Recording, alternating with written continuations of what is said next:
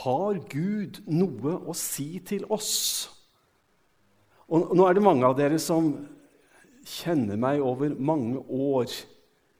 Og jeg er nok ikke den som er mest frimodig med å tale om at nå har Gud talt til meg. og Jeg opplever det ikke så mye på den måten. Men jeg har tenkt mye i den senere tiden også på at jeg tror jeg tror Gud har noe å si til oss.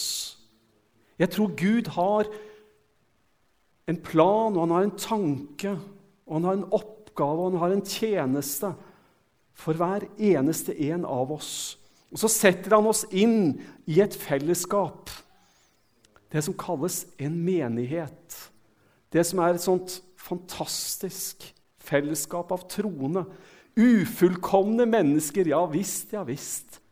Men vi er Guds barn, og vi tilhører Han. Og i den sammenhengen en av de gamle historiene fra Det gamle testamentet. Og når, når, dere ser det bildet der som, som jeg har funnet fram, en sånn tegning, så er det mange av dere som helt sikkert tenker Å ja, Samuel. Samuel som var på en måte, ja, han var bedt fram, og han var gitt til Herren før han ble født. Og han skulle vokse opp der i tempelet, i Guds nærhet. Og vi leser i 1. Samuel kapittel 3 så leser vi om denne her fortellingen om denne gutten som vokste opp der. Og han kunne så mye. Han ble lært, undervist. Igjen og igjen så, så ble på en måte bibeltekstene som de hadde lagt ut for han. Og han var kjent med det alt sammen. Han hadde mye kunnskap. Men så står det Men han kjente enda ikke Herren. Altså, det, det flyttes på en måte fra kunnskap til dette med, med kjennskap. Denne, denne nærheten. Og en kveld etter at de hadde lagt seg så hører Samuel en stemme. Og det står Da ropte Herren på Samuel. Og det er da jeg tenker Skal vi stoppe? Skal vi puste litt ordentlig og tenke Er det sant? Er det virkelig mulig at denne gutten ligger der i halvsøvne, eller hva det nå måtte være, og så taler Gud. Da ropte Herren på Samuel. Og det jeg tenker, er jo selvfølgelig Er det mulig i dag at Gud kan tale til oss? Dere, vi må jo erkjenne, eller jeg tror i hvert fall vi bør erkjenne, at det er mye tull og tøys som Gud får skylda for. Av og til så sier jeg 'stakkars Gud'. Men i bunn og grunn så vet vi at han klarer seg veldig greit. Så vi trenger ikke være så bekymra. Men Gud får skylda for mye. For mye tull og tøys. Men det betyr jo ikke at Gud aldri taler til oss. Det betyr jo ikke at Gud aldri har noe å si. Det betyr ikke at dette her var kanskje bare noe som skjedde den gangen. Når vi leser den fortellingen om Samuel, i tilfelle du ikke er så kjent med den, så Samuel han eh, liksom våkner opp og tenker 'Å, det er Elia'. Så det, det, det, er, det, er, presten som, som, som taler til meg. Så eh, går han inn til han og sier, 'Her er jeg. Du ropte på meg.' 'Nei, jeg ropte ikke på deg', svarer presten. Og så skjer det igjen og igjen. Omsider så skjønner presten det er Gud som taler. Til og med prester kan forstå når Gud taler. Det er jo oppmuntrende. Sakte, sakte, men sikkert så går det opp for presten. Gud har noe å si til denne gutten. Og det i seg selv er jo selvfølgelig forvirrende og litt forstyrrende. For her er jo presten. Hva skal han med en liten gutt? Hva i all verden skal han med andre? For han kan jo tale til presten, som er den fremste av de, av de fromme og fremste av de i tjenesten for Gud. Tanken på at Gud skulle tale til en liten gutt, og ikke til presten, er jo i seg selv både forstyrrende og, og bekymringsfullt for presten. Men presten sier nå dog allikevel, Hører du det en gang til, at noen roper på deg? Da skal du svare, 'Tal, Herre, for din tjener hører'. Og Samuel går tilbake igjen, legger seg, og Herren taler. Herren taler. Han kommer igjen for å formidle noe. Og jeg tenker jo har Gud fortsatt noe han vil si? Har Gud noe som han ville ha sagt til deg? Har Gud noe han ville sagt til oss? Har Gud noe som han ville formidle til oss? Og dere kjære medvandrere, søstre og brødre, søsken Jeg tror Gud har noe å si til den enkelte av oss, og jeg tror han har noe å si til oss som menighet. Vi vet jo at Gud taler til oss først og fremst gjennom Bibelen. Gjennom Ordet så forteller Gud oss så mye om hva vi skal gjøre. Og Jeg skal ikke bruke tid på å gå inn på det engang. Men, men Gud taler til oss gjennom Ordet og på forskjellige mange andre måter også. Men kan det være at Gud også har noe å si oss som han vil tale til oss om ved Den hellige ånd? Ved, ved på en måte ja, innskytelser, ville vi kanskje kalle det av og til. Ved, ved at vi plutselig kom til å tenke på Eller om så skulle være at vi hører en røst som taler til oss. Er det mulig? Dere, I Apostelens gjerninger 13 så er det en beskrivelse. Jeg må lese de ordene. I Apostelens gjerninger 13 så står det om en menighet oppe i Antiokia. Og eh, ja, du må se litt av hva slags folk som var der først. I menigheten i Antiokia var det noen profeter og lærere. Barnabas og Simon med tilnavnet Niger, Luki, Lukius fra Kyrene, Manaen, pleiebror til landsfyrsten Herodes, og dessuten Saulus. Og det er jo litt av en gjeng. Altså, Der er de.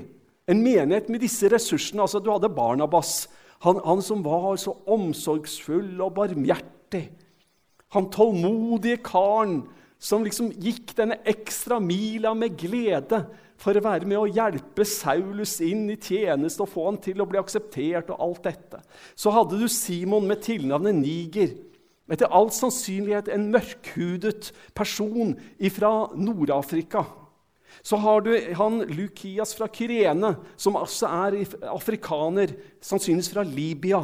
Så har du eh, Mana, en pleiebror til landsfyrsten Herodes. Kongelig er han. Og så Saulus, den, den sprenglærde fariseeren og den skriftlærde. Og denne gjengen her blir nevnt, og en del andre.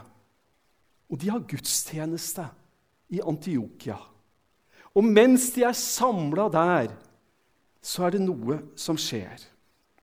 Og det står sånn som dette. En gang mens de feiret gudstjeneste for Herren og fastet, sa Den hellige ånd, ta ut Barnabas og Saulus for meg, så de kan gå til den oppgaven jeg har kalt dem til. Det sa Gud. Også veldig mye mer direkte enn dette her. Det får man egentlig ikke. Det er Gud som sier 'Jeg har en oppgave for Saulus', altså som senere ble kalt Paulus. 'Jeg har en oppgave for Barnabas og Saulus'. Og så er de der. Og så opplever de Den hellige ånds ledelse. Og så kommer jeg med denne påstanden. Det er Gud taler fremdeles ved Den hellige ånd. Det var ikke bare i Det gamle testamentet. Og noen ville ha sagt at det, det var før Den hellige ånd ble utgitt. Da måtte Gud på den måten gripe inn. Men vi ser jo i apostlenes gjerninger at boka har jo fått feil navn. Burde jo ikke het apostlenes gjerninger, det burde het Den hellige ånds gjerninger. For du leser igjen og igjen om hvordan Gud ved Den hellige ånd leder og taler og sørger for at det ene og det andre skjer. Vi leser om en nærværende Gud som kommuniserer. Jeg har sittet denne uka når jeg har arbeidet med det jeg skulle dele med dere, og så er det et bibelord. Det er så flott. Det er kanskje ikke det bibelordet vi bruker mest for å skape læresetninger. Det er det ikke. Men allikevel, det var Jesus som sa det, og han sa det i en konfrontasjon mot fariseerne og de skriftlærde, og som ikke ville tro. Og han sier det sånn Mine sauer hører min stemme. Ja, det sa han. Og han sa det jo som sagt, i en, i en spesiell situasjon. Vi kan lese sammenhengen her. Eh, om hvordan altså, Nå kom tiden for tempelinnvielsesfesten i Jerusalem. Det var vinter. Jesus gikk omkring i Salmos søylehall på tempelplassen. Jødene flokket seg om ham og spurte, 'Hvor lenge vil du holde oss i uvisshet? Er du Messias?' Så si oss det rett ut. Jesus svarte, 'Jeg har sagt det til dere, men dere tror meg ikke.' De gjerningene jeg gjør i min fars navn, vitner om meg, men dere tror meg ikke, for dere hører ikke til iblant mine sauer. Mine sauer hører min stemme. Jeg kjenner dem, og de følger meg. Det er den lille setningen inn i en litt større sammenheng. Dere tror ikke. Men mine sauer eller mine får, de hører min røst, og de følger meg. Altså av og til så tenker vi at det eneste som er viktig, det er å komme til himmelen. Det er ikke det. Det er ikke det eneste viktige å tenke at vi skal komme til himmelen. Det er faktisk viktig hvordan vi lever livet vårt.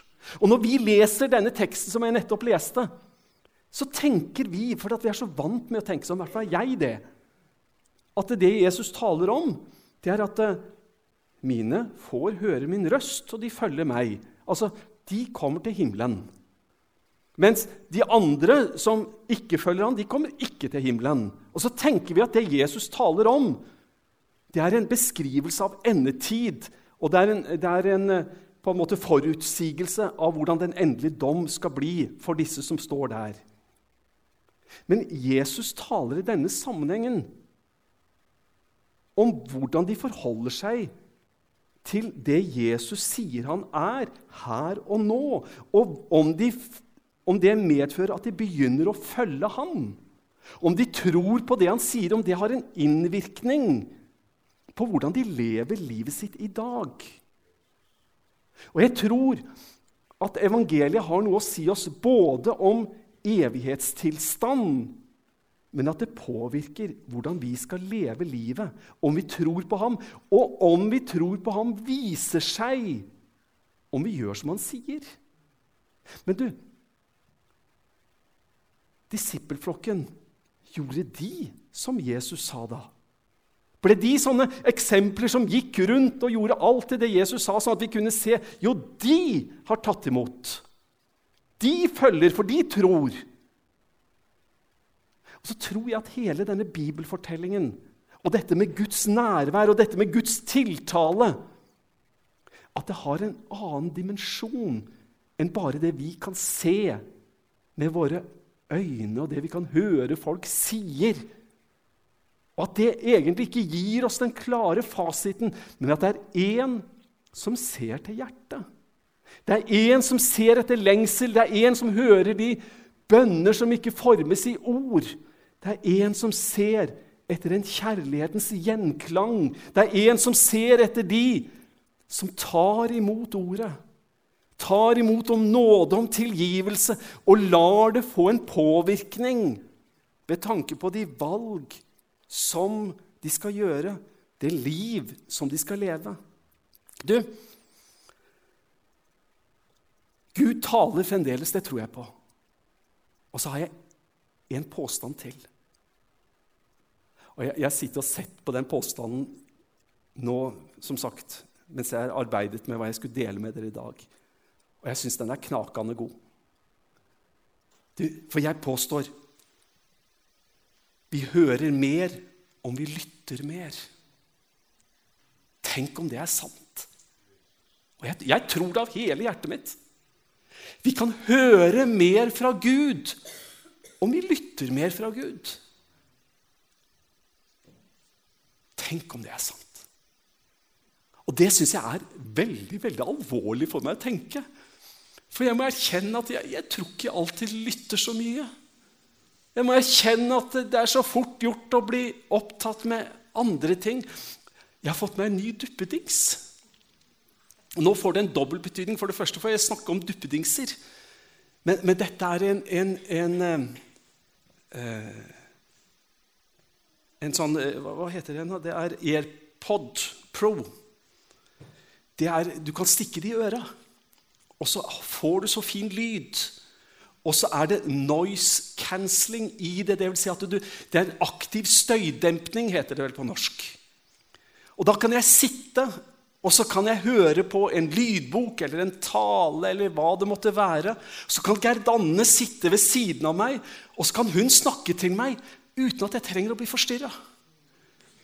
Og, det er jo fantastisk for meg, men kanskje ikke like fint for henne. Men, men, jeg kan sitte i min egen verden, og vi har jo en form for fellesskap. Vi er jo i samme rom, og, og det er godt for oss begge. Men, men jeg slipper å bli forstyrra av at hun snakker. Og det har jo en ulempe, selvfølgelig, for det er ikke like hyggelig for Gerd Anne å snakke med meg når jeg sitter med AirPods i øra med, med noise cancelling. Og jeg lurer på om det er et poeng i det jeg sier. Jeg lurer på om, om, om det er sånn at det, det kan være vanskelig for Gud av og til å nå inn til oss. For vi lytter ikke, og vi hører ikke etter, og vi er opptatt med vårt og det vi måtte være ja, opptatt av. Og så tror jeg vi hører mer hvis vi lytter. Du, vi leste jo fra Apostelens gjerning i 13. En gang mens de feiret gudstjeneste for Herren og fastet, sa Den hellige ånd for, å spørre noen dumme, ledende spørsmål. Når er det mest sannsynlig at vi hører fra Gud? Er det når vi er midt i en Sitter der fjetra til TV-en og ser på en eller annen spennende episode på TV, hvis det skulle være en sånn en? Eller er det kanskje under siste ekstra minuttene av tilleggstida når Manchester United og Liverpool spiller? Nå er det dessverre ikke så veldig spennende lenger, men det var en gang at sånt var spennende. Eh, eller, eller kan det være at eh, det er en eller annen film, siste James Bond-film, hvis noen er svake for sånt? Altså, hva, når er det enklest for Gud å komme til med om han har noe å si til oss? Jeg har et bibelord. Du må se fra Salme. Vær stille for Herren og vent på Ham. Vær stille for Herren og vent på Ham. Du, Kan det være at det betyr noe for oss i dag? Det salmisten sier, det han oppfordrer oss til. Ro ned. Ro ned. Min gode medarbeider Vidar jeg, jeg, jeg, huska det plutselig at jeg, dette har jeg jo sagt før. Når jeg kommer inn i heisen der Hvis vi har vært her oppe og gjort et eller annet, så tar vi heisen ned. Og Så kom vi inn, og dere som har tatt heisen, dere har sikkert tenkt det samme som meg. Så kom vi inn i heisen og sier åh, at det ikke er en sånn knapp å trykke på for å lukke igjen heisdøra, for det er det ikke på heisen vår. Du, du, du, må vente til den finner ut at nå kommer det ikke flere inn i heisen, og så lukker den igjen. Og det går så seint. Og jeg klager hver gang. Og, og, og Vidar sier nå må du puste, nå må du roe deg ned. Dette går fint. Og så skjønner jeg at det er jo sant, det er jo snakk om noen sekunder. Og det er jo bare tull og tøys. Men i en annen sammenheng, og, og, og alvorlig talt Vær stille for Herren, og vent på Han. Det er ikke sikkert vi har det så travelt. Det er ikke sikkert at det er tusen ting vi må gjøre. Du, Elia, eller Elias, han var blitt så mismodig. Deprimert. Ja, ja verre enn det, til og med. Og, og han kommer i en situasjon hvor han syns at livet er knapt verdt å leve. Og Så leser vi her. Foran ham for en stor og sterk storm som kløyvde fjell og knuste knauser. Men Herren var ikke stormen. Etter stormen kom det et jordskjelv, men Herren var ikke jordskjelvet. Etter jordskjelvet kom det en ild, men Herren var ikke i ilden. Etter ilden kom lyden av en svak susing. Da Elia hørte den, dro han kappen for ansiktet, gikk ut og stilte seg ved inngangen til hulen. Da skjønte han altså denne svake susingen, eller, eller skjør stillhet, som en annen bibeloversettelse har det. Han skjønte der. Der i stillheten, der i, i, i denne svake susinga. Ikke i dette voldsomme, mektige, kraftige. Ikke der, men denne svake, stille susen. Da kom Gud med sitt nærvær. Og så opplever han Guds nærvær på en sterk måte. Dere vet at vi har flere ganger stoppa for et begrep som vi har kalt 15 minutter. Og, for oss så er det en, en tanke som vi har tatt opp fra andre. Det å ta 15 minutter. Og jeg har sagt, finn deg en god stol. Åpne opp en iskald boks med cola. Finn deg gullbrød og alt dette greiene som jeg driver og maser om. Altså, Sett deg ned, nyt, ha det så godt du kan. Ta 15 minutter. Sitt i godstolen, les Bibelen, tenk og lytt, noter litt. Be og tilbe. Og kjenn at det, nå har du tid til å være med Jesus.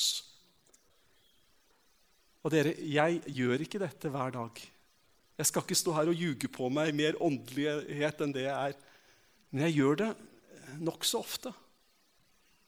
Og jeg, jeg, jeg, kan også si jeg synes jeg merker forskjell på når jeg får et system på dette her og lever i det, eller om jeg kommer inn i, perioder hvor jeg ikke får satt av disse 15 minuttene, eller hva det måtte være, i ro og mak. Og kunne få lov til å sitte med en bibel og be og lese uten å spesielt jobbe med bibelteksten, men bare liksom være der i Guds nærhet.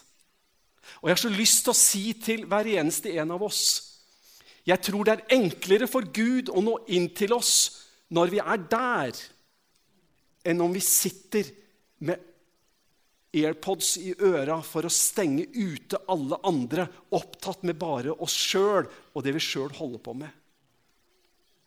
Jeg tror, og det er dette som har vært min påstand, jeg tror vi vil høre mer hvis vi lytter mer. Og når Gud taler, da, for å si noen ord om det Når Gud taler, og vi føler at Gud har sagt noe til oss, så tror jeg at det, det tåler på en måte en prøving.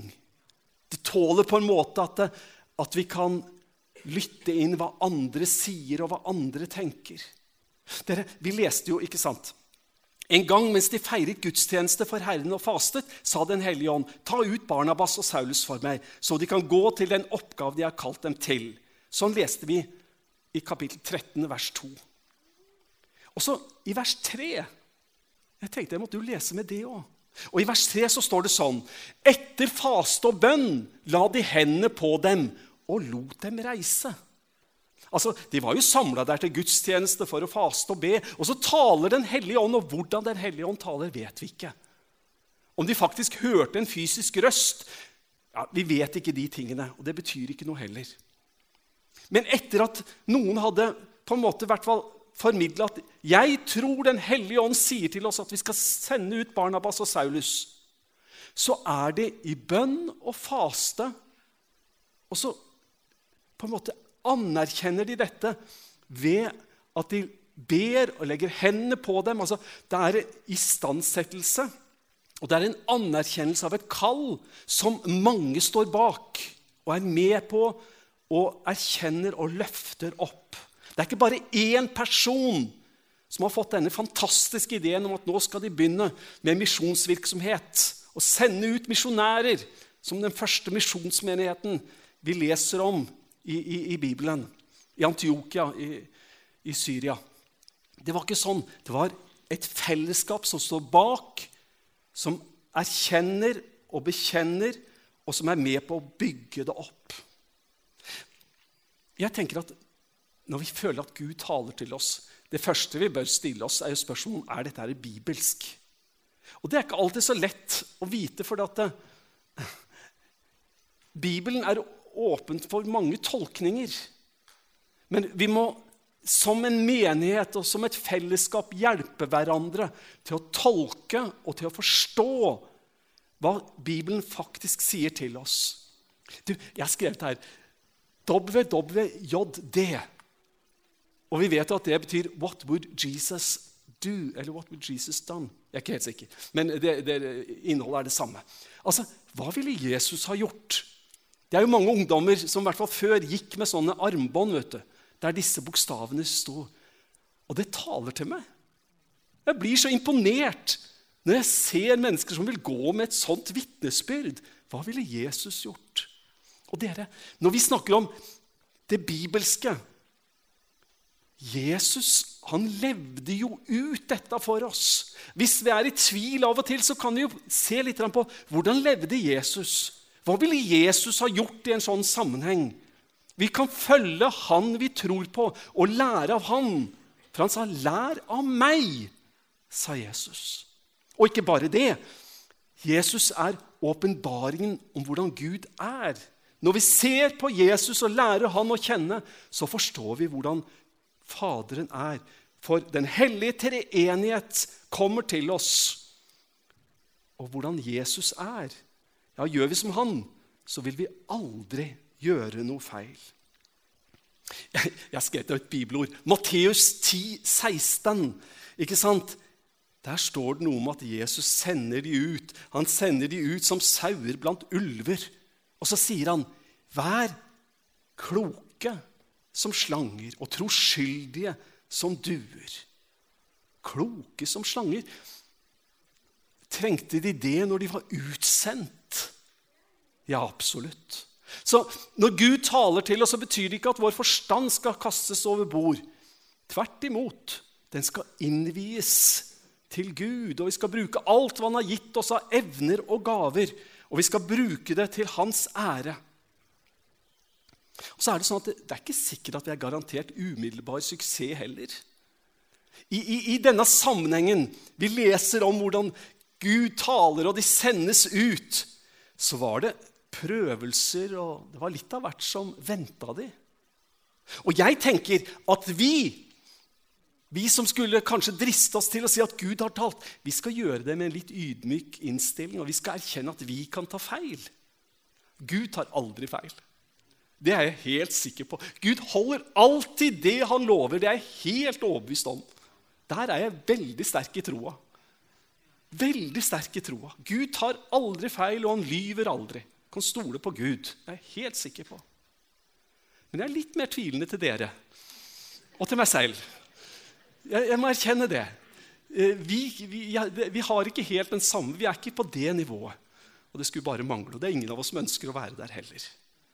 Men, men Gud kan vi stole på, oss selv og hva vi sjøl mener og har hørt og opplevd og forstått, det kan vi få lov til å ta med litt større grad av ydmykhet. Men selv om Gud faktisk har talt og åpna opp dører for oss, så betyr ikke det at det nødvendigvis er øyeblikkelig suksess. Bare, bare se her hva, hvordan de opplevde det. Men da kom det noen jøder fra Antiokia og Ikonium. De fikk mengde, mengden over på sin side, så de steinet Paulus. Deretter slepte de ham utenfor byen og trodde han var død. Ikke noe kjempegreie. Men Gud hadde utsendt dem. Gud var med. Og om dette så hadde vært slutten for Paulus sin tjeneste For mange er de martyrer som har gått i de fotsporene. Så er det noe med at Gud har en større tanke og en større plan. Og hans allmektige hånd er aldri for kort til å fullføre det verk som han har bestemt seg for. Og han hadde bestemt seg. Evangeliet skal forkynnes. Det skal krysse over fra Asia inn i Europa. Evangeliet skal forkynnes for alle folkeslag. Det skal ikke holdes nede. Folk skal få høre. Nådens budskap skal proklameres. Og i den sammenhengen så tror jeg Gud har noe å si. Jeg tror Gud taler. Og jeg, jeg ber med både ydmykhet og Det er sikkert ikke riktig å føle sånn, men, men med litt skam så ber jeg, kjære Gud, må du på en måte åpne opp øra mine og la meg få høre enda tydeligere og enda klarere. For Gud har en plan, og det er så viktig at du og jeg og vi som et fellesskap At vi åpner oss opp. Og jeg tror vi vil høre mer fra Gud om vi lytter mer etter hans røst. Og det hadde jeg så lyst til å utfordre oss og dele med oss denne formiddagen. I Jesu navn. Amen.